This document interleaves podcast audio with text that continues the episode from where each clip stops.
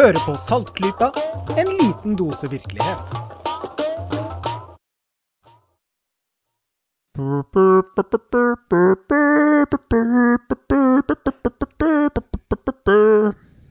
Det er på tide. Endelig er vi her. Nå er det mai, og hva betyr mai måned? Jo, det betyr at hele Europa stopper opp for å se på et idiotisk show av et show uh, som, uh, som ingen helt kan forklare hvorfor er en så big deal. Men det er en kjempebig deal, og jeg pleide å ikke bry meg, men nå er jeg blitt helt gira. Det er selvsagt snakk om Eurovision. Ja! Jeg heter uh, Bendik, og med meg i uh, panelet i dag så har jeg en dame ved navn Lisha. Hallo, hallo, alle sammen. Og jeg har med en herremann ved navn Jørgen. Hei sann, hei sann. Og uh, vi begynte å prate om Eurovision for, for, et par år siden, og det er en tradisjon som bare har holdt seg. et par år siden? Vi har holdt på ganske lenge nå, har vi ikke det? Ja, det er forstått Med disse episodene?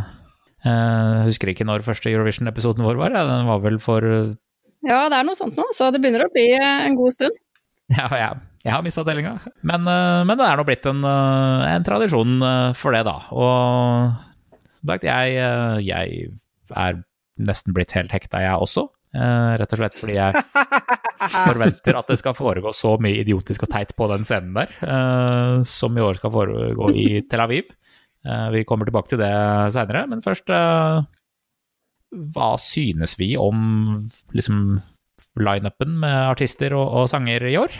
Jørgen, har du lyst til å begynne med å si dine kommentarer?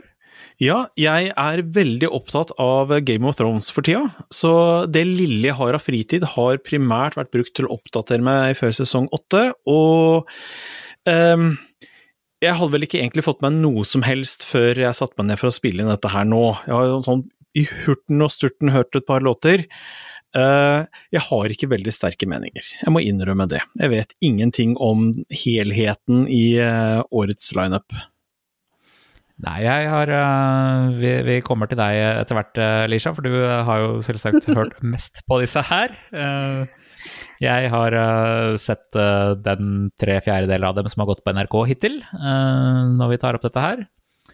Og, og jeg må si, jeg synes de fleste av dem var skikkelig, skikkelig kjedelige det bare var uh, gørrkjedelige låter. Mye sånne poplåter som som var liksom greie nok, sånn poplåter, men, men, men liksom Eurovision-låter. De skal ha en sånn der musikalsk signatur, en sånn der liten je ne sais quoi. Sånn der, de, de, høres annerledes ut. Du kan høre liksom når det er en Eurovision-låt. Jeg bare synes ikke disse her årets gjør det i noe særlig grad. Nei, jeg synes at det er svak lineup i år. Altså, jeg syns det er veldig mange låter som er sånn De er helt greie mens du hører på dem. Uh, faktisk ganske pene, men med en gang det er over, så er de glemt, og ti minutter etterpå så kan du ikke nynne dem om det så sto om livet. Det er, det er, alltid noen sånne låter, men jeg syns det er veldig mange. Det er ikke mye som liksom får deg til å danse, eller som du kan kalle catchy. Det, det er litt skuffende, mm. det må jeg si. Så vi har jo noen, noen sånne outliers, selvsagt. Vi, du, før, vi, før, vi, begynte her, så nevnte du f.eks. Uh, Portugal sitt uh, bidrag, som uh, jeg husker at jeg holdt på å sovne til det. Hadde det ikke vært for uh, kostymet til han som uh, sang og, og, han som dansa. Fordi de hadde bare på seg metalltagger og falske fingre og Bomullsdotter. Bomullsdotter og sto bare spæsa helt ut uh, i dette her. Men sangen var kjørkjedelig, men sceneshowet var bare fantastisk. eh, sangen var veldig portugisisk, da. Og de synger veldig på portugisisk. Jeg er jo veldig for at folk skal synge på sine egne språk. Um, men altså, de ser jo helt Det er, eller i hvert fall Det skal sies, det vi snakker om nå, det er jo uh, sceneshow og sånn som er fra de nasjonale finalen og nasjonale valgsystemene. Uh, så hvordan det ser ut i Tel Aviv, det kan jo være helt annerledes. I hvert fall i Lisboa så så det veldig snodig ut. Uh, I den grad at uh, man måtte, i hvert fall jeg måtte se videoen flere ganger før jeg det hele tatt klarte å få med meg noe av sangen. Uh, for det var rett og slett så besynderlig. Um, skal man si klesvalg. Um, men han er visst en ganske besynderlig person, han Konan Osiris, som han kaller seg. Så det passer kanskje Han syns sikkert det er fint. Han syns sikkert det er kjempefint. Jo, men det er jo også noe med at noen har stemt dette fram, da. Som er litt uh, tyder på at noen likte det, men det er litt sånn Jeg får litt inntrykk av at kanskje de prøver å bli Altså, i en lineup som er ganske kjedelig, så blir det jo lagt merke til. Ja, det gjelder jo å bli lagt merke til, da, og det gjelder jo å bli lagt merke til måte med en gang. Fordi du har de tre minuttene på å fange publikums oppmerksomhet, og hvis det da ikke er sangen som liksom sitter med en gang, og det gjør de fleste av disse sangene ikke, så må det være noe annet. Um, om det da er opptreden, eller om det er kostymene, eller hva det er, men noe må liksom være sånn når du kommer tilbake igjen, for vi får se snutter av alle sangene igjen på slutten av hvert show, og da må det være sånn Å ja, det var den! Den var det.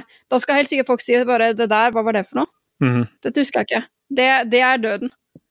Ap apropos sånt, så tror jeg vi har satt ny rekord i, i hvert fall i, i disse lokale finalene, i uh, høyde på kjoler. Uh, var det Det var noen som hadde Australia, overgått Ja, de, de hadde vel overgått fjorårets rekord på tre etasjer høy kjole, med jeg tror de gikk opp til fem etasjer høy eh, kjole, eller noe sånt noe. Jeg vet ikke om faktisk Moldova kanskje har den rekorden fra 2013, for der hadde de en kjole som i utgangspunktet så normal ut, men når sangen beveget seg mot crescendo, så begynte kjolen plutselig å vokse, hmm. slik at sangerinnen steg mange meter. eh, Og kjolen vokste med henne, og da begynte det å eh, komme et slags lysshow på kjolestoffet. Eh, Og det var Det var minneverdig. Men en tilsvarende lignende høyde er eh, Australia inne på i år. Men de, sangen deres heter jo Zero Gravity, så det er klart de må prøve å trosse tyngdekraften. Mhm. Det er jo helt naturlig. Og så har vi endelig fått inn en eh, sånn skikkelig industrial techno-låt. Eh, jeg vil jo si at de vi glimrer med sitt fravær, i de fleste Eurovision-finaler, altså.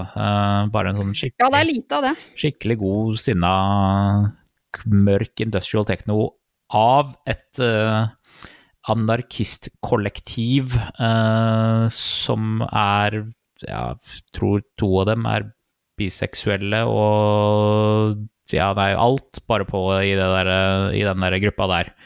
Uh, så Island eh, er en av mine personlige favoritter, bare pga. hvor ekstreme det er. Pluss at det er faktisk litt av min musikksmak. Men eh, Helt enig. Det er det eneste eh, bidraget jeg har fått med meg på forhånd, fordi eh, venner av meg som deler min musikksmak, har eh, kommet med bifall til denne låta.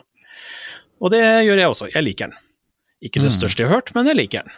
Ja, og jeg syns det er veldig fint at For det er liksom to typer låter som, som er 95 av, av Eurovision, og det er liksom en dame som står og synger en ballade, skråstrek opera, og en sånn halvordinær poplåt. Så jeg er bare kjempeglad hver gang noe litt unikt eh, dukker opp. Jepp.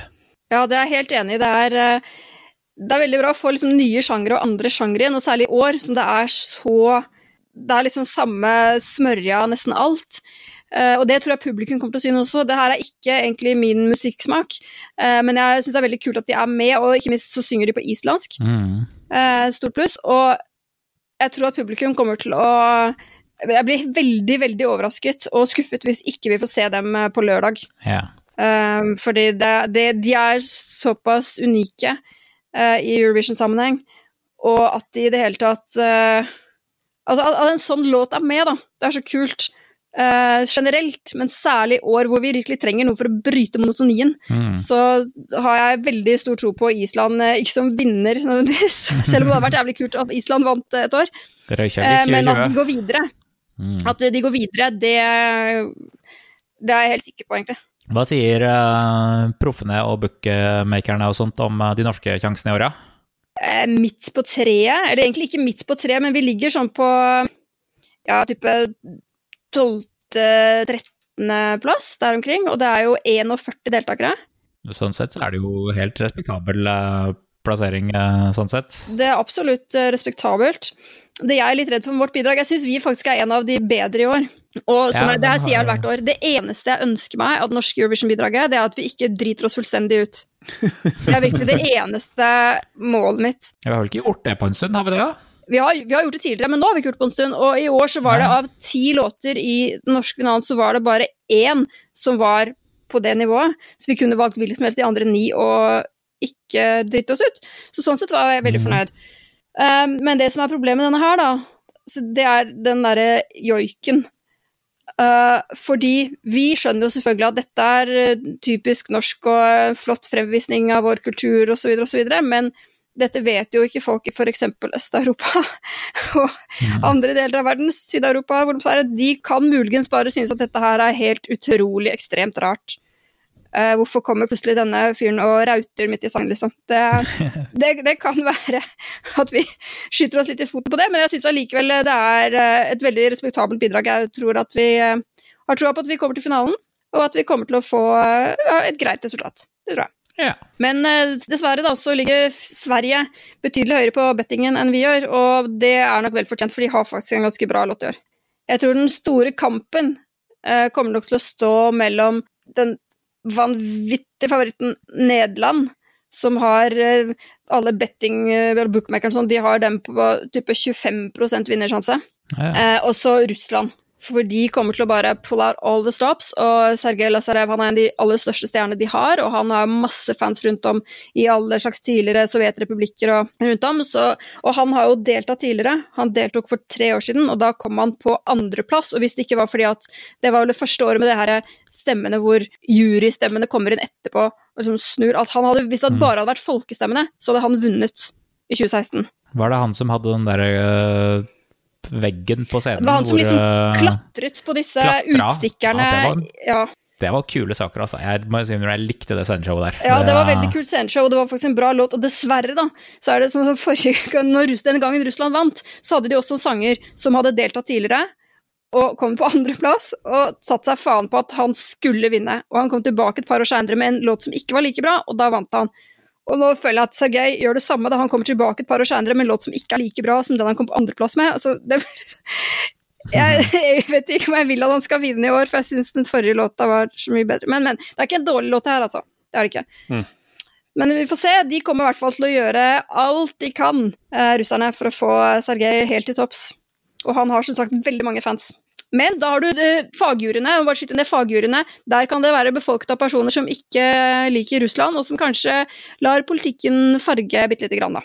Hvordan de stemmer. Det kan Du nevnte, du nevnte Sverige, Uh, og jeg så jo på dette showet til, eh, til NRK Adresse Tel Aviv. og um, Der kunne man jo bare lage en, en drikkelek på at hver gang de nevnte at et land hadde fått en eller annen hjelp av Sverige ved at det var en svensk låtskriver eller en eh, svensk eh, synger eller en svensk produsent eller noe sånt noe, hadde du tatt den drikkeleken, så hadde det vært snyden siden halvparten av eh, showet var ferdig. Fordi svenskene er jo svenske. overalt i Eurovision. Ja. De er overalt, men de er altså generelt så har svenskene en veldig stor sånn popindustri. De er veldig sterke på popmusikk. Og Mm. det er det jo andre land som, som ikke er i den situasjonen. Det er Storbritannia er jo, har jo mange mange år vært kanskje verdensledende popmusikk, selv om jeg ikke føler så veldig mye med på det våre dager, så har det jo vært det, men de gjør det allikevel veldig dårlig. Men det er fordi Eurovision har så dårlig rykte i Storbritannia, så flinke folk vil ikke ha noe med det å gjøre. Men i Sverige så er det kjempegodt rykte. Alle elsker Mellon. Alle vil være med. Så der får de virkelig dyktige folk til å delta også. Og da sprer de seg utover, og folk vil jobbe med dem. Så svensker kan vinne, selv om ikke Sverige vinner. Ja, og det kommer de statistisk sett til å gjøre.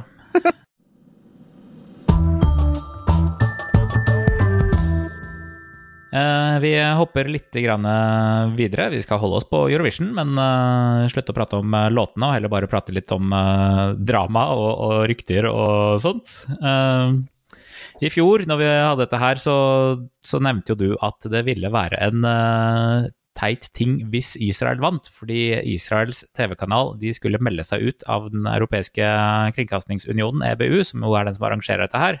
Det, for de som ikke vet det, så er jo det det som er kriteriet for å kunne delta, ikke å være i Europa, men at eh, TV-kanalen din er medlem av den europeiske kringkastingsunionen. Det er derfor Australia kan være med, og alle disse Aserbajdsjan og Kasakhstan og Tadsjikistaner og alle de de landene som jo strengt tatt ikke er i Europa, men, eh, men som kan være med allikevel. Eh, men Israel skulle jo da melde ut TV-kanalen sin ut av eh, Kringkastingsunionen, og så vant de! Ja, så vant de, og da måtte man jo trikse litt til. Altså, det som skjedde, det var at For det er som du sier, at man må ha et EBU-medlem for å kunne delta, og egentlig så er det EBU-medlemmet som er deltakeren. Så for Norge så er det strengt tatt NRK som, Mm. som er Vi har to EBU-medlemmer, NRK og TV 2, da. Og i Israel så hadde de også et EBU-medlem. Men så ble det bestemt at denne, man skulle splitte opp dette her, slik at det ble én kanal som fokuserte på nyheter, og én kanal som fokuserte på andre ting. Da. Og da ville ingen av de kanalene, slik oppsettet var, ingen av de kanalene ville vise tilstrekkelig mye av EBU-produksjoner til at de ville kunne Mhm. kvalifisere seg som medlem. Eh, men så hadde de jo De skulle jo delta, da, i Lisboa. Og da ble det jo sagt at ja, ja, haha, tenk om de vinner, da trikser vi det til. Og da hadde EBU De hadde avtalt det med EBU, for de var jo en av storfavorittene. Eh, de hadde avtalt da med EBU at eh, de hadde en løsning som halvveis klar. Og så jaggu så vant de jo, da. Og i Mhm. etterkant av det Uh, Eurovision har selvfølgelig blitt Det har fått et oppsving i populariteten i Israel etter dette. Uh, og nå har de klart å videre trikse det sånn til at uh, en av um, en av disse kanalene, den heter vel Kan, er det det den forkortes for? Ja, det er i hvert fall en Public Broadcasting Corporation. Som de, de fortsetter som EBU-medlem, da. Så hvis de Nei. vinner i år igjen, så er det ikke noe problem, det gjør de ikke. Men, eh, men nå har de faktisk eh, klart å forhandle seg ut av den floken, da. Ok, så, så de, er, de er tilbake, de, eh, og, og som normalt, liksom? Ja, nå ble det det igjen. Men tanken er jo den at for EBU produserer diverse, ikke sant? det er for mye sport. Det er derfor Australia da har et EBU-medlem, fordi eh, der er mange interessert av f.eks. cricket, eh, og EBU produserer en Mm. god del cricket. Eh, og det er en del musikk, og det er noen nyhetssendinger og sånn, og, selvfølgelig alle For det er jo ikke bare Eurovision Song Contest, det er jo også Eurovision Junior, og det er eh, Eurovision for klassiske musikere, og det er Eurovision Young Dancers, og det er masse sånt. Og man må mm. kjøpe inn en del disse programmene og vise så og så mange, da, for å kunne kvalifisere. Eh, men eh, da har man da fått ordna det. Ja, ja, da gjør de bare det. Ja, nå er de fortsatt blant oss, forhåpentligvis, Mm. i mange år til. I 64 år til, og Eurovision er arrangeres i år for 64. gang. Oi. Ja, ja. Jaggu. Tiden går Ja, tiden flyr når man har det gøy.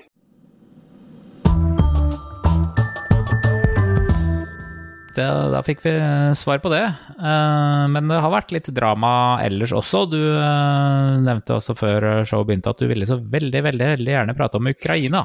Hva foregår i Ukraina? Nei, der har det vært eh, liksom, årets store Eurovision-skandale, da, har skjedd i Ukraina. Eh, og de er ikke med i år. Nei. Det er greia. Nei. De eh, deltar ikke. Eh, og grunnen til det, det er det at det, det, er, det er en veldig merkelig historie. Eh, de har et eh, EBU-medlem, eh, som er da deres Mhm. offentlige kringkaster, UAPBC. Og de arrangerer en konkurranse som heter Vidbir, det er deres svar på Melodi Grand Prix. Da. Den arrangerte de i år i samarbeid med en eller annen kommersiell stasjon der. Og så, og det, de har de arrangerer den etter opplegget som internasjonalt, så det er to semifinaler, og så en finale. Og under finalen så annonserer plutselig UAPBC at det er ikke sikkert at vinneren kommer til å få representere oss allikevel. Eh, Ah. Fordi de må gå, med på våre krav, da. For at eh, Ja. for de har da fagstemmer og folkestemmer, ikke sant? og for at den som blir valgt, skal få lov til å reise til Tel Aviv, så må de gå med på kravene våre. Og hun som vant, hun heter Anna et eller annet, men kunstnernavnet hennes er Maruv. Hun er popsanger og ja, populær.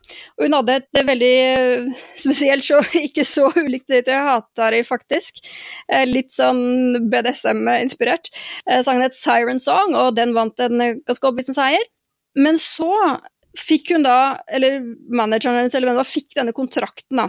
Og den viste seg å være forbløffende omfattende, og det alle trodde var jo at det var snakk om hun hadde booket inn to konserter i Russland mellom Vidbir og Eurovision. Og det tenkte jo alle at de kommer til å kreve at hun trekker seg fra dem. Fordi de, de vil ikke sende noen som eh, ja, opptrer i Russland, eller som de sier, da. De sier, Nei. utformulerer som at personer som ikke anerkjenner Ukrainas territorielle integritet. Men Mhm. det var ikke snakk om å bare trekke seg fra de eh, konsertene. Det kunne hun jo sikkert ha gjort. Men det var også eh, Og dette her hadde hun to døgn på seg da, til å signere, ellers så ville de erstatte henne.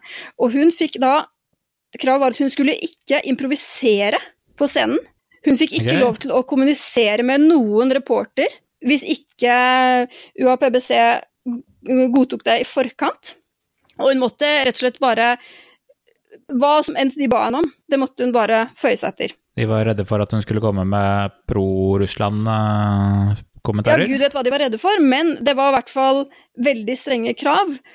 Og det var også en helt sinnssyk spolering om at hvis hun skulle bryte mot noe av dette her, så ville UAPBC kunne ilegge henne en bot som var helt enorm. To millioner ruvnia. Det er jo helt sinnssyke mengder penger. Jeg har ikke vekslekursen helt klart for meg, men det er jo i hvert fall over en halv million kroner.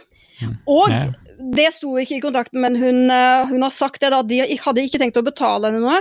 Og de hadde faktisk ikke engang tenkt å betale flybilletten hennes til Tel Aviv, så måtte hun betale selv. Uh, dette her var i slutten av februar, da. Og når de to døgnene gikk ut, så sendte hun og også UAPBC ut en pressemelding om at hun kommer ikke til å representere Ukraina, fordi de blir ikke enige om kontrakten. Og dagen etter så uh, annonserte det bandet som kom på andreplass, Freedom Jazz etter de, at de eh, ville heller ikke godkjenne den kontrakten. Og dagen etter det så sa bandet Kaska, de kom på tredjeplass, de ville heller ikke godta den kontrakten. Og dagen etter Jeg, jeg tror jeg, tror jeg ja, dagen etter det går så annonserte UAPBC at eh, de, det er klart, de, de, vi, vi trekker oss, vi kommer ikke vi, vi kommer til å sende alle tre showene, men vi kommer ikke til å delta. Ja, altså Det var nok ikke meningen at den kontrakten skulle komme ut for sånne sinnssyke stipuleringer. Altså, man, kan, man skjønner jo at hun ikke kunne ta det, for man kan jo se for seg De er på scenen, det sendes live. En av danserne eksempel snubler da, så er hun nødt til å steppe til siden for å unngå å bli dytta over ende. Og så kommer UAPB og sier ah, du improviserte, du skylder oss to millioner. Det er klart hun kan Ja. ikke. Så nå vet ikke jeg hvordan hennes finansielle situasjon er, men jeg ser jo ikke for meg at du blir rik av å være popsangerinne i Ukraina, altså. Eh, Det er nok de færreste Nei, forunt. altså, jeg tror ikke at uh, Med mindre hun hadde vunnet uh, finalen, så tror jeg ikke at uh, det ville gitt henne så store økonomiske Nei, fordeler absolutt ikke. Det har ikke vært det. Så det var jo en, må, jo, må jo ha vært en vurdering der også, med, med potensiell bot versus potensiell Ja. gevinst. uh. Og ikke minst at hun er jo kunstner, hun er jo en artist. Og dette er at hun f.eks. ikke kan Mm. kommunisere noe som helst med noen journalister uten at UAPBC da skulle godta det på forhånd, liksom. Det er jo ganske alvorlige restriksjoner i ytringsfriheten hennes, da. Så jeg skjønner veldig godt at hun tenkte at dette her kan jeg ikke gi meg inn på. Men det var litt morsomt, da, at både de som kom på andreplass, og de som kom på tredjeplass, og så bare takket nei. Så da kunne man liksom ikke begynne å grave seg helt ned. Så da, da ble Nei. det ikke noe ukrainsk deltakelse i år. Det er litt synd, for den sangen der, den var også en litt sånn uh, utenom det vanlige og skilte seg ut fra generelle lineupen. Men eh, man kan se den på YouTube, selvfølgelig, men man får ikke se den i Tel Aviv. Nei. Det er da årets eh, store skandale.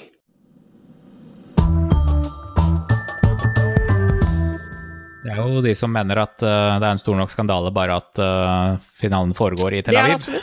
Det, det har jo vært mange som har kalt for uh, boikotter og, og ikke har vært noe fan av dette her.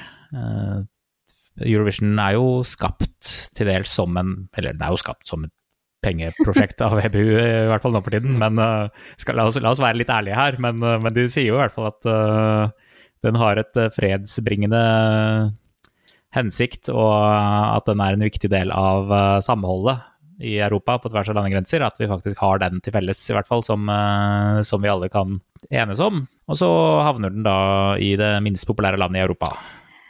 Ja, det spørs. Eh, Det var ikke så mye Russland er ikke så mye mer populær, for å si det sånn. Eh, ok, ok, den, Eh, Men logikken altså Jeg husker jo når Russland vant, så var det jo mange som drev mange da, men det var en god del som drev og sa at å, det er urettferdig, det var en skikkelig dårlig låt, og de bare, fordi, de bare vant fordi alle liker dem. Hallo, Russland. Det er ingen som liker Russland. Eh, Men det var ikke så mye snakk om boikott der den gangen, og det var ikke noe snakk om boikott heller da Aserbajdsjan arrangerte, som faktisk er et diktatur, og hvor de eh, knuste en hel haug med boliger og kastet folk rett ut for å bygge denne flotte arenaen sin som de kun trengte, egentlig, eh, til denne ene tingen. Så ja, det, det har vært mange grunner til å boikotte opp igjennom. Og det har jo kommet en slags motboikott av boikotten. Eh, og en skokk med kjendiser har samlet seg for opp, i opprop mot opprop om boikott. For de mener at man skal ikke boikotte, Mm. for tvert imot så skal vi alle stå samlet, og dette er, som du sier, Bendik, da, dette er én ting som vi liksom kan samle oss rundt. Så det er, det er veldig Ja. delte meninger om dette boikottgreiene. Men det, nå er jo ikke Israel fremmed for å bli For at de diskuterer sta- boikotter mot dem. Det er jo noe som de stadig får høre om. Mm. Ja, de bruker vel enhver anledning for å oppfatte seg selv som uh, offer. Og det føler jeg vel de har gjort eh, her også, det lille jeg har rukket å få med meg. At eh, med en gang noen så vidt nevner ordet boikott, og at ikke alt er på stell i Israel, så, så trekker de opp eh, kortet om å, de er imot Israel fordi vi er jøder. Det kommer rimelig fort. Ja, men det er klart at noen det, det er faktisk sant for noen av disse Ja, jeg har sett opprop mot det, særlig i, eh, i Sverige var det et sånt langt opprop med såkalte kunstnere og artister som var i, ville boikotte dette her, da. Og en del av de navnene var kjent fra andre sammenhenger, for å si det sånn. Så det var helt klart at det er et, det er et sånt um, knee-jerk reaction. Ja. Israel er onde. Um, men igjen, da, hvis, hvis, det, hvis man liksom skal begynne å grave for mye i det, så er det ikke egentlig så Det er, det er mange steder som ikke, hvor ikke Eurovision kan arrangeres. Og nå er det jo reglene sånn at hvis du vinner, så får du mulighet til å arrangere. Og, og da Altså, det går ikke an å unngå det. Nei, men det er jo når Så det må liksom bli en personlig boikott, da. Ja, det er, jo Det det, det det, er, er det er det det oppfordres til også, at mest mulig eh, at folk boikotter, altså for å gjøre at eh, Israel ikke får en PR-seier på det, for det er helt åpenbart at Israel vil bruke Eurovision-finalen som eh, delvis da, en PR-ting. For de er jo, de er jo mer alle. eller mindre i krig bestandig, og, og PR er ekstremt viktig i en sånn krigssammenheng. Så eh, at PR-maskineriet er i gang uh, for å bruke den situasjonen, det er helt åpenbart. Ja, alle benytter jo Eurovision for noe slags eh, PR-greier, men Ja, eh, det er klart det er jeg synes så, På en måte så er det jo veldig forståelig, fordi Israel er hovedsakelig i søkelyset for negative ting. Og når det da er en mulighet for å vise seg frem for noe positivt, så skjønner jeg godt at de griper det. Ja. Uh, men det er jo faktisk en del av disse oppropene om boikott som har vært rettet mot uh, f.eks. SVT, da. Uh, at de må trekke det svenske bidraget, og Sverige må ikke ha noe med Israel å gjøre, og Mm. liksom sånne ting. Og altså, la være å se på det, og la være å reise dit. Og det er visst en del som gjør, for nå leste jeg sist i dag at uh, det er fortsatt en god del ledige hotellrom i Tel Aviv, og det er veldig, veldig sjelden. At uh, ti dager før finalen så kan du fortsatt få rom der, og faktisk i nedsatte priser. Mm. Det forekommer vel egentlig aldri ellers. Men et eksempel på at uh, dette her er litt utover de tidligere grunnene til å ha boikottet en finale, er jo at uh, det faktisk er bombeangrep uh, som pågår da, kanskje ikke akkurat i øyeblikk, men i hvert fall for noen dager siden, mellom Israel og Gaza. Eh, og som settes i sammenheng med at det er en mulighet for palestinerne til å få sin tragedie markert. Eh, så det er jo definitivt storpolitikk hvor folk dør inne i bildet her rundt eh, denne finalen. Så det er ganske spesielt. Ja, alt som har med Israel å gjøre er ganske spesielt, eh, men de vi skal ikke bli for politiske her, for Eurovision, det er ikke lov med politikk i Eurovision. Um, og derfor ble Georgia, som vi husker, for noen år siden eh, nekta. De ble kastet ut når de ikke ville omformulere slik at sangen deres ikke lenger handlet om Vladimir Putin. Um, og det var da ikke en hyllest til ham, uh, som man sikkert forstår. Poenget er at det er virkelig uh, en del av en større konflikt hvor folk faktisk dør. Uh, Ja, absolutt. Og det er ganske vanskelig. altså Det begynner å komme til noen sånne situasjoner hvor du En ting er liksom reglene til Eurovision om at dette er fred, skal ikke handle om politikk og alt mulig sånt noe, men så på et eller annet tidspunkt så kommer virkeligheten så nært at eh, for veldig mange er det ikke mulig å ignorere politikken oppi det hele. Eh, så det virkelig syns jeg at i år at det presser noen grenser, og jeg tror det er mange som må ta en lite Kjenne litt på sitt eget ubehag ved det hele. Eh, Det er litt spesielt. Ja, jeg var jo, Nå skal ikke jeg dit i år, men jeg var på en av de showene i fjor i Lisboa, og jeg husker jo vi ble kroppsvisitert. Og vesker og sånn vi hadde med oss. Vi fikk jo beskjed på forhånd ta med liksom bare små vesker, og du får ikke ha med ditt og får ikke ha med datt. Um, og de var veldig strenge for hvem som slapp inn, og det gikk jo politifolk rundt med Mhm. maskingevær, liksom. Uh, og det var i Lisboa, som tross alt er et meget fredelig hjørne uh, av Europa. Uh, mens eh, i Nå er det jo ikke Jerusalem, og det var sikkert lurt, selv om det de sier er jo at lurt, ja. Først så sa de Jerusalem, men så Det er jo litt grann urimelig, fordi det som er tradisjonen, er jo at første gang et land vinner, eh, så skal eh, Så er for hovedstadene. Men senere så åpner man for også andre byer, hvis det finnes store nok byer i landet, og det finnes jo eh, et par andre store byer. Så først sa de Jerusalem, og det var kanskje fordi Netta, som sang vinnerbidraget, hun sa liksom oh, 'next year in Jerusalem', helt spontant. Men da åpnet de for sånn som man ofte pleier å ha en sånn konkurranse, hvor flere byer kan melde inn hva de Mhm. mener de har å tilby. Og da var det Jerusalem og Erbil og Tel Aviv, og da vant Tel Aviv. Og det er jo veldig naturlig, siden som sagt Jerusalem har vært vertsby tidligere. Og ikke minst så er jo Tel Aviv eh, homsehovedstaden eh, i, eh, i Israel. Så sånn sett så er jo det et mer passende sted. Um, men ja, det, det blir eh, interessant å høre om hvordan Hvor strenge er de for å slippe folk inn, for de var allerede veldig strenge i Lisboa.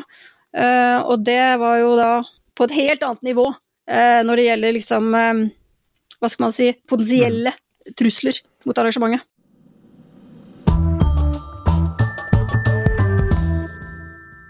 Vi, eh, vi hopper litt videre til neste Eurovision-relaterte tema for i år. Det, det er rart hvordan man klarer å fylle en hel episode bare med, bare med dette Ja, her. jaggu. Eh, hva foregår i Romania?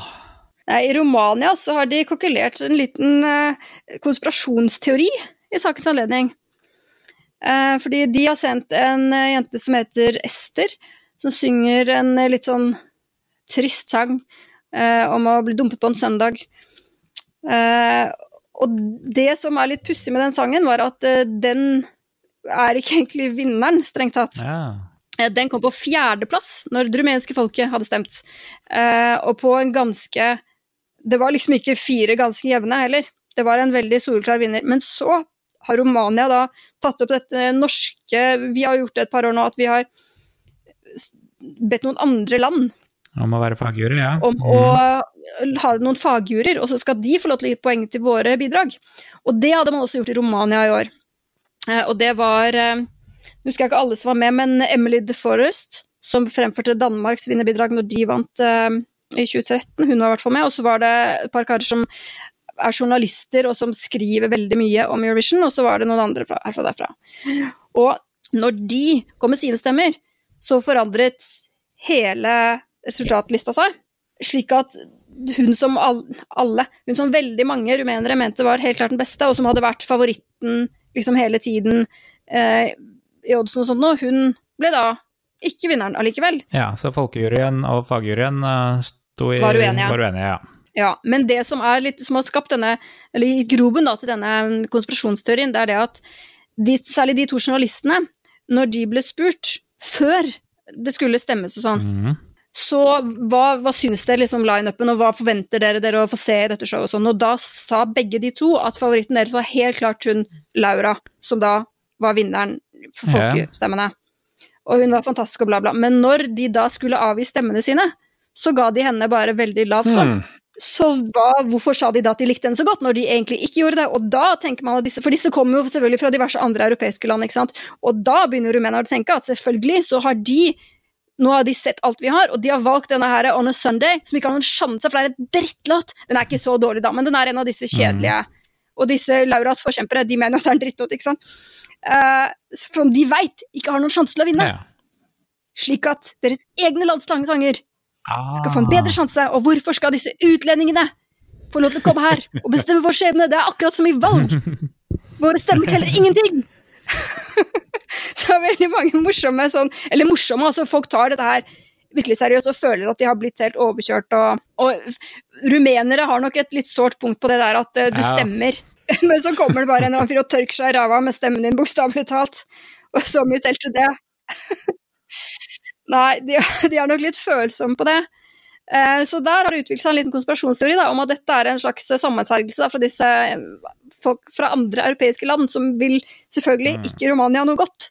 Og de har bare ødelagt for den skjønne Laura som egentlig skulle Ja. sunget sin vidunderlige sang. Og, ja. og de er også litt sårende på at i fjor så kom de jo ikke til finalen. Og Romania pleier, og de er Mm. vant til, og har vant til en god del år nå, å gjøre det veldig bra. Eh, så det var et litt um, sjokk for nasjonen i fjor. Um, så nå har jeg tenkt å rette opp det da med denne Laura, men hun ja. får ikke sjansen. Og nå forventer de seg kjempedårlige resultater, men det er i så fall bare fordi disse onde europeiske fagdommerne da har eh, konspirert for å ødelegge. Hva syns du for øvrig om da det bidraget de endte opp med? Altså, som sagt, jeg, jeg syns den er ganske fin, men jeg synes den er litt kjedelig. Eh, det er en Mm. sånn sak som mens du hører den, så syns du den er fin og du liker den godt, og sånt, nå, men du glemmer den jo ganske fort. Men hun har en interessant stemme. Hun, hun er ikke helt sånn bare mm, 13 på dusinet-stemme. Så jeg er ikke så negativ som de selv er, da.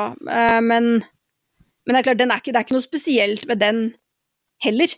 I likhet med nesten Nei. alle låtene i år. Um, Men hva med den uh, låta som uh, folk hadde valgt, den til Laura, hvis du har hørt den? Den har jeg faktisk ikke fått sonet meg til å høre, uh, Ah, okay. så det vet jeg faktisk ikke. Men altså, de, de pleier å gjøre det veldig bra. De pleier å sende ganske sånn originale låter, Uh, så jeg skjønner at de er litt skuffa av å sende sånn helt streit. Men samtidig så veit du ikke, når du sender noe originalt da, som er litt spesielt, så kan jo det blow up in your face også. Oh, ja. uh, det er ikke sikkert at uh, Hvis du f.eks. sender den første, det første bidraget noensinne på swahili, så er det ikke sikkert at andre syns det er noe kult.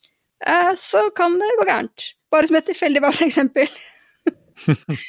Men låta kan være kul for det. Ja. Så, ja. Men det får vi da se på Skal vi se, nå husker jeg plutselig ikke hvilken semifinale de er i. Vi er i hvert fall den andre, så vi skal inn på torsdag, og der skal okay. også Romania. ja. Og vi er nå i samme delfinale som, semifinale som Danmark og Sverige i år. Det blir hard konkurranse, det. Oi.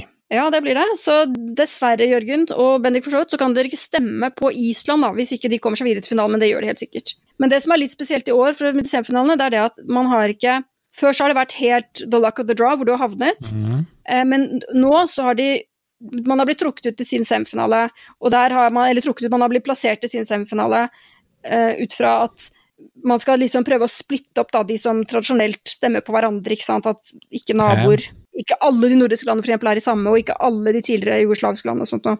Men så, istedenfor å bare da ha en trekning hvor det er helt tilfeldig hvor du havner, så har de nå De har allokert folk til De har trukket folk ut til en halvpart av semifinalen.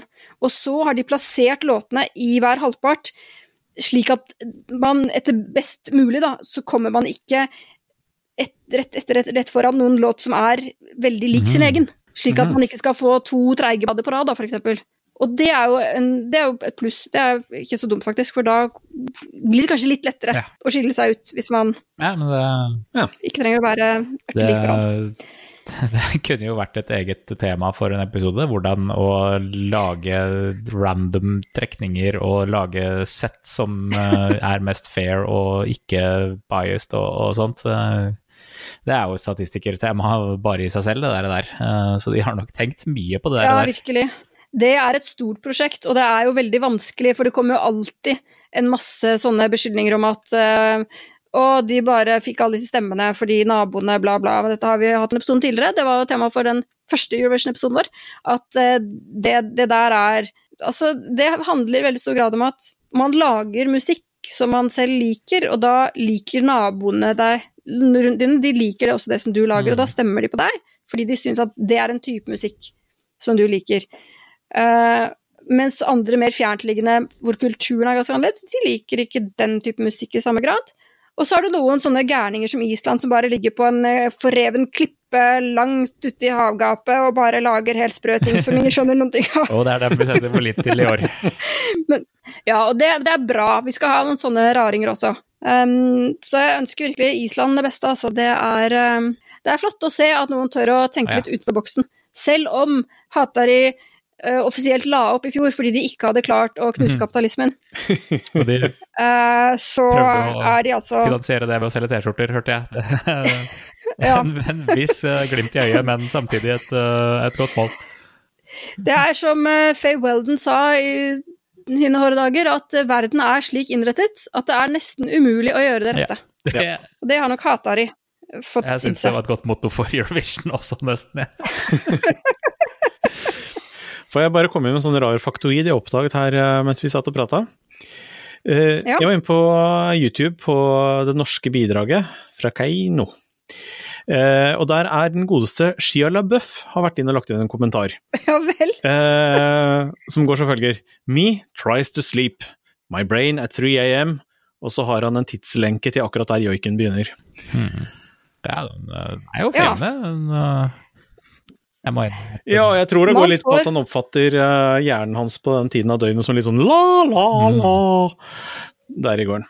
Støyende og uforståelig. Ja. Men da får man jo håpe at det er andre som også kjenner seg igjen. og ønsker å stemme på dette. Eh, Som sagt så gir eh, bettingselskapene oss eh, sånn eh, litt over midt på tre odds. Og det er ikke eh, selv om håpet selvfølgelig alltid er å slå svenskene. Men i år så tror jeg faktisk ikke vi skal regne med å klare det. er vel er nesten det eneste som teller. På Eurovision og på femmila. Det er det eneste vi bryr oss om. Men det fine er at hvis vi ikke klarer det i år, så kommer eh, utgave nummer 65 til neste år, og da har vi Mm. sjansen igjen. Det er- det er et fint sted å, å, å runde av, eh, tror jeg. La oss, eh, la oss vente til neste år. Det, da går det sikkert bedre da.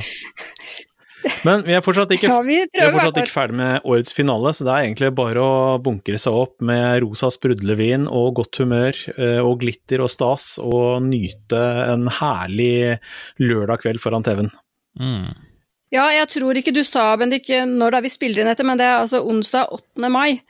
Eh, og finalen og alt det der, det er neste uke. Første semifinale tirsdag 14., andre semifinale, hvor vi deltar og vi, hvor vi da kan stemme. Vi kan ikke stemme den første, men vi kan stemme den andre på torsdag 16. mai. Og så er det da den store finalen på lørdag 18. Ja. mai. Og da får vi se om det blir eh, Amsterdam 2020 som eh, forstå-seg-på-årene skal ha det til. Amsterdam er en kul by, det, så jeg kan, eh, kan bli med på den. Ja, det er veldig lenge siden konkurransen har vært der, så det begynner kanskje å bli på tide igjen. Nei, men da tror jeg vi har sagt det vi ønsket å si om årets, årets store låtskriverkonkurranse. Som eh, egentlig ikke har noe med låtskriverne å gjøre lenger. Jeg husker det. Jeg har sklidd litt ut. Ja. jeg, har sklidd litt ut. Og jeg så jo det derre NRK, var det lisenskontrolløren eller noe sånt nå, når de dyk, dyppet, dykket dypt i arkivet, og de nevnte jo at NRK har jo hatt en del forskjellige utgaver, og siden dette skulle være en låtskriverkonkurranse, så ble hver sang fremført to ganger. Én gang av eh, med stort band og med den sangeren som komponisten ville, og én gang med bare et lite band og en annen sanger, bare sånn at du skulle bedømme sangen og ikke artisten og, og sånt som det. Eh, Den, eh, den tiden Vi er litt forbi det vi er nå. litt forbi Ja, der nå. altså Storbritannia har gjort det sånn noen ganger at de har hatt én artist har sunget alle sangene, eller det har vært én sang og fem forskjellige artister har sunget den. Så de har faktisk eh, prøvd seg litt frem med sånne varianter nå i nyere tid, Ja, i vårt yes. århundre. Så det, det er mange måter å gjøre det på, men det er som du sier, ben, ben, Jørgen, tiden har forandret seg litt. da. Det var en gang i tiden at NRK samlet inn stemmene på postkort. Slik at de viste frem sangene, så ba de folk om å sende et postkort med stemmen sin, og så lørdagen etter så hadde de telt opp alle postkortene, og da fikk man vite hvem som vant. Det er også litt sånn eh, Generation instant gratification ville ikke tolerere stemming ved postkort. Den tiden er i hvert fall forbi. Men du, når du sier det med sånn etteropptelling, så er det noe jeg eh, kom på at jeg har lurt på. Ja. Ved de to siste finalene så har jeg prøvd å stemme, og har bare fått beskjed om at uh, meldingen ikke er sendt. Og så når finalen er over, så plopper de inn da en haug med meldinger med 'takk for din stemme', og så er det trukket masse penger fra kontoen min. Uh, Ja, dette, Bendik har vært Ja. involvert i dette her. Vel, det kan, det, kan, det kan jeg svare på. Ja, fordi eh, jeg jobber faktisk for det selskapet som har ansvaret for å telle opp stemmene i, i den norske finalen. Vi har, Firmaet Ja. som jeg jobber for, har faktisk eh, SMS-kontrakten med NRK. Uh, og vi vil jo si at det, sånt ville jo aldri skjedd eh, på den uh, norske finalen. Nei, for det er på den internasjonale dette har vært et problem. internasjonale finalen så kan de bare gå og ta seg en bolle, for der har ikke vi kontrakten. Der uh, gjør de det selv. Så da kan jeg bare si at det, de suger. Ok, så, så ingen vet om de stemmene ble telt med eller ikke? Sannsynligvis blei de det. Uh, sånne Altså er det ikke sånn at Hvis du får den der kvitteringen, Benny, den der 'takk for din stemme', så har den blitt telt? det, For den, det er jo et svar på at Den- meldingen du Den er har et svar på at uh, den meldingen du har sendt, har kommet fram til mottaker. Eh, Men spørsmålet er jo, siden dette går, foregår over SMS, eh, så er jo vi kjent med Riktignok nå, nå for tiden så har vi ganske god kapasitet på, på telenettene våre her i Norge, så det har ikke vært et problem de seneste årene. Men tidligere så har vi jo fint klart å krasje. Noen av de mindre operatørene de hadde ikke alltid kapasitet til dette her, sånn at eh, de, eh, de, der kunne de meldingene bli ligge i kø på vei inn til datasystemene deres, til opptellingssystemene. Eh, og da, selv hvis du fikk kvitteringsmeldingen ti minutter etter, eller så, så kunne det hende at den meldingen ikke hadde nådd fram til dem før etter at opptellingen var ferdig.